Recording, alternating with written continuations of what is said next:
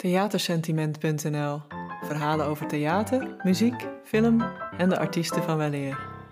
Ik ga jullie het verhaal vertellen van Frits Heers. Deze Oostenrijker van geboorte leidde in de jaren 20 en 30 een heel beroemd operettegezelschap in Nederland. In 1932 krijgt hij de kans om directeur te worden van het Schillertheater in Berlijn. Dat leidt tot een ongelofelijke commotie. En hoe dat afloopt, dat ga ik jullie vertellen.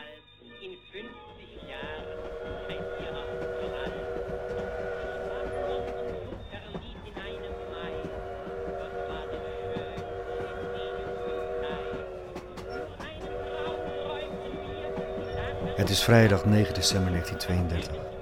Een trein uit Berlijn rijdt met grote witte stoomwolken het Rotterdamse station binnen.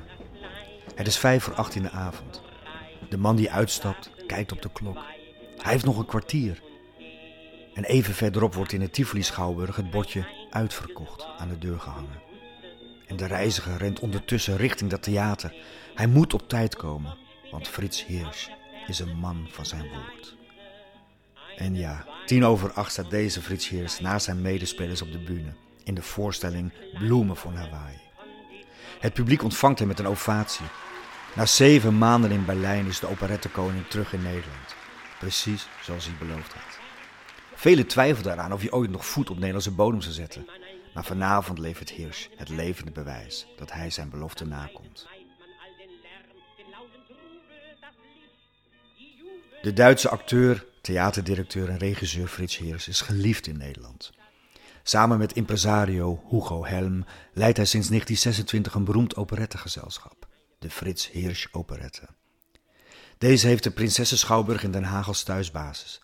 En van daaruit reist het gezelschap stevig met zijn voorstellingen langs de andere grote steden en door de provincie. De operettes van hier zijn populair.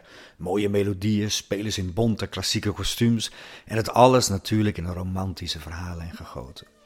En Hirsch staat bekend als een alleskunner. Hij is mededirecteur van het gezelschap en het theater, bewerkt de stukken, is de regisseur en speelt altijd mee. En Hirsch is bijvoorbeeld ook nog een meester in het bedenken van vernuftige decorwisselingen. En met al deze kwaliteiten heeft hij de harten van het Nederlands publiek veroverd.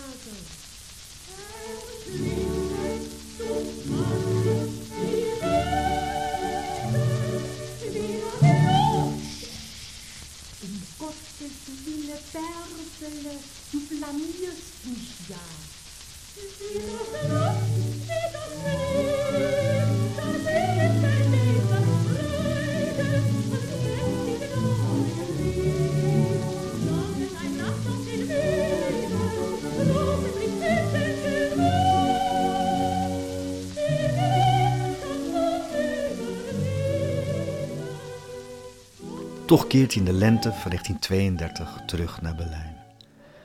Frits Heers en zijn zakenpartner Hugo Helm willen directeur worden van het beroemde Schillertheater in de Duitse hoofdstad. Waarom eigenlijk? Het gaat hem toch voor de wind hier in Nederland? Mist hij het theaterleven daar? Of is hij het Nederlandse publiek zat? We zoeken Frits naar de voorstelling op. Hij zit in zijn kleedkamer en ziet er moe uit. De arme man heeft tot diep in de nacht vergaderd in Berlijn. Daarna de trein gepakt naar Holland en is direct het podium opgestapt om een voorstelling te spelen. Maar niettemin maakt hij tijd voor een interview. Buiten de kleedkamer is een uitgelaten bedrijvigheid, de ontlading van een spannende avond. Maar Heers sluit de deur en begint te vertellen. We zijn als gezelschap met de jaren gegroeid, zegt hij. Onze decors zijn verfijnder geworden, het samenspel is verbeterd, het niveau van ons orkest is verhoogd. Maar het Nederlands publiek wordt steeds veel eisender. Als we in première gaan, vermindert de toeloop al na twee weken. Dan moeten we gaan trekken, langs de steden, de provinciën. En tegelijkertijd moet er een begin worden gemaakt met het volgende stuk. Eerst omwerken thuis, bedenken van de decors, de chansementen op het kleine toneel van de Prinsessenschouwburg goed laten verlopen en zorgen dat er mee gereisd kan worden. En dan nog de repetities. Het is dus hard werken om in dit land een gezelschap op de been te houden. Heers zegt, het Nederlands publiek is prettig om voor te werken, maar omdat men veel reist, leest en ziet, is men zeer kritisch. Het is reusachtig moeilijk om stand te houden tegenover zo'n publiek.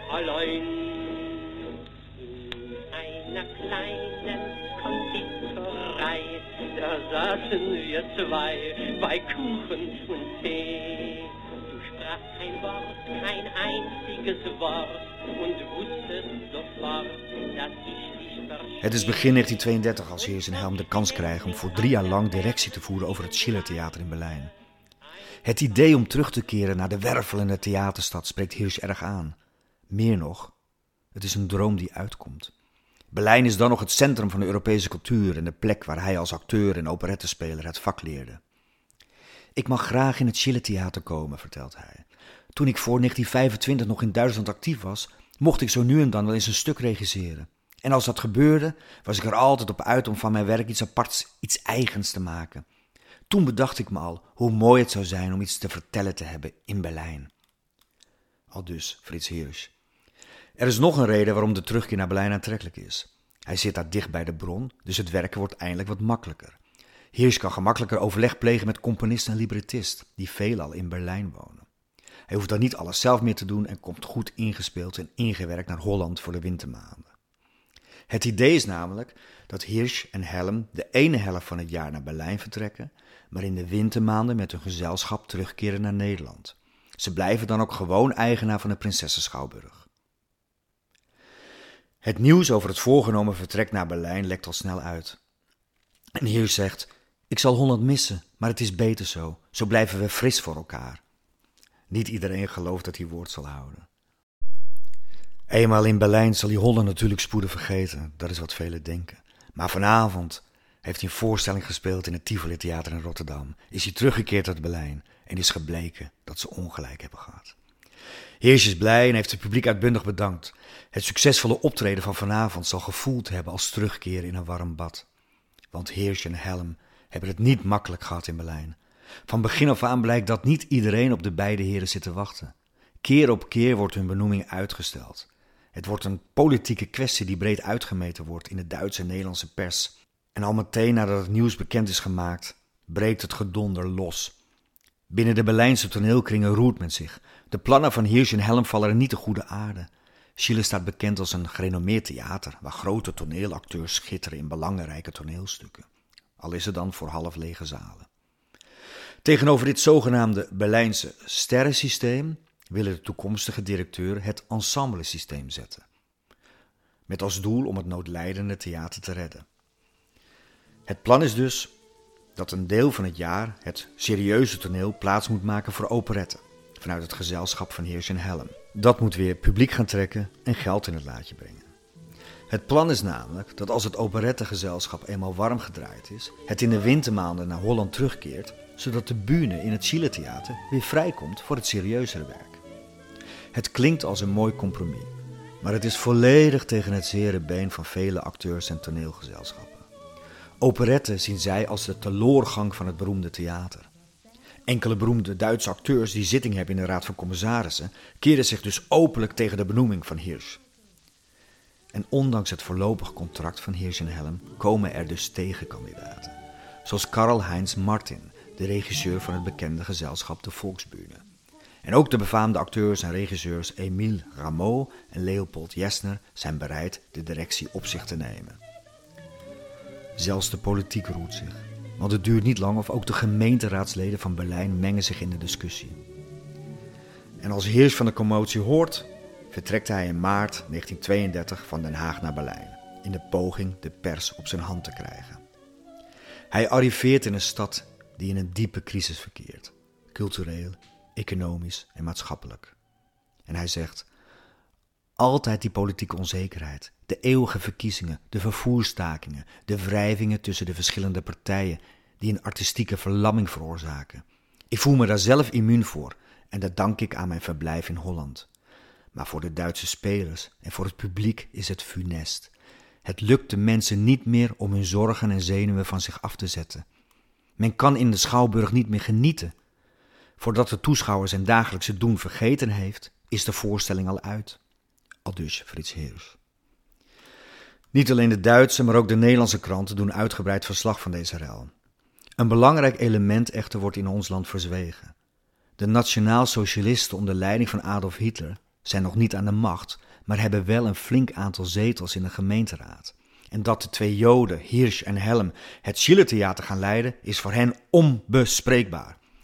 Ook een deel van de Duitse pers laat zich in fel antisemitische bewoordingen uit, maar de Nederlandse pers zwijgt erover. Ondanks al die commotie lukt het Hirsch en Helm toch om geldschieters te vinden voor hun plannen en de meerderheid van de politiek en pers van hun plannen te overtuigen. In april wordt officieel bekendgemaakt dat Hirsch en Helm aan het roer staan van het Schillertheater. De zaak is dus beklonken. En zoals beloofd wisselen ze de operette vanaf 1 september af met diverse serieuze toneelstukken die een redelijk succes zijn. Het lijkt dus te gaan lukken. Het operettegezelschap van beide heren viert ondertussen triomf in andere Duitse steden en verkast in december weer naar Nederland. Maar wat begint als een droom, wordt toch een loodzware tijd voor Hirsch en Helm. Het duo krijgt vlak na hun benoeming een gelukstelegram van uitgerekend Adolf Hitler, maar daarmee is alles ook gezegd. Want vanuit de nazi's blijft de hetze tegen Hirsch en Helm doorgaan. Maar nu Hirsch weer even terug is in Nederland, spreekt hij er niet over. En ook de journalisten die hij te woord staat, vragen niet door. Politiek houdt men immers beter buiten de kleedkamer, zo heet het in deze dagen. Maar vanavond is hij in ieder geval de belofte nagekomen en heeft hij met zijn gezelschap op het podium gestaan van het Tivoli Theater. En in Berlijn lijkt het allemaal te gaan lukken. Maar toch, Frits Heers laat een Duitsland achter waar de situatie steeds dreigender wordt. Er volgen weldra opnieuw verkiezingen, de zoveelste.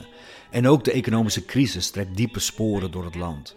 Geen goede tijd dus om het theater te runnen in Berlijn. En zeker niet om het een paar maanden achter te laten.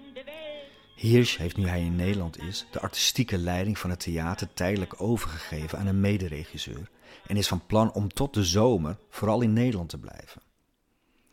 Het is fijn om weer hier te zijn, brok in de keel, zo gaat hij verder. En Hirsch wijdt vervolgens uit over de plannen die hij voor de toekomst heeft. Er staan mooie operettes op stapel die in Nederland hun wereldpremière gaan beleven, zoals een bewerking van Little Dorrit van Charles Dickens. En ook zal hij dus in de zomer weer terugkeren naar Berlijn.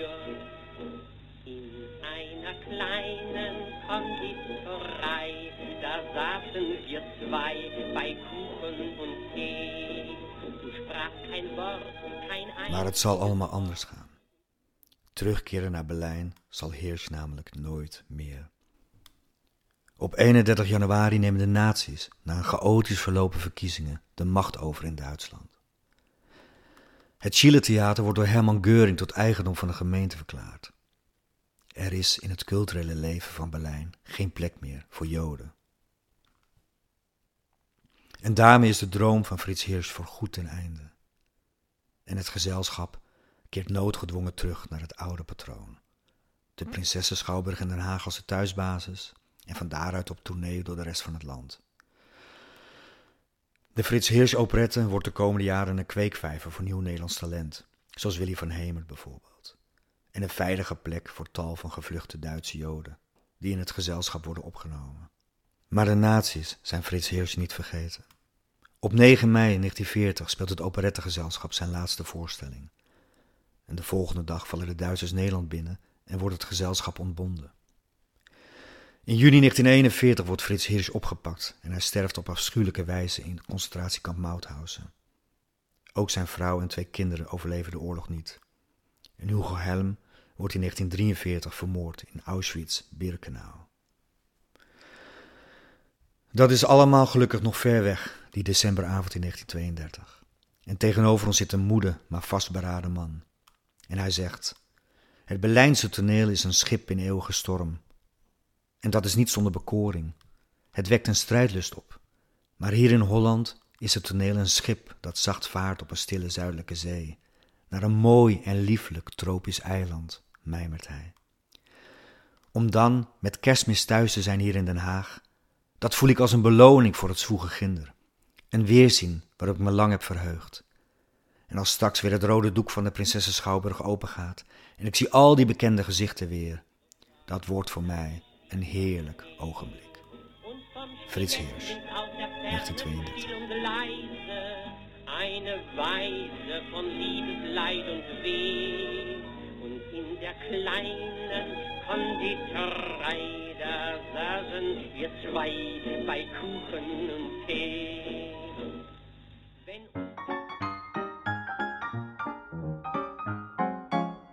Theatersentiment.nl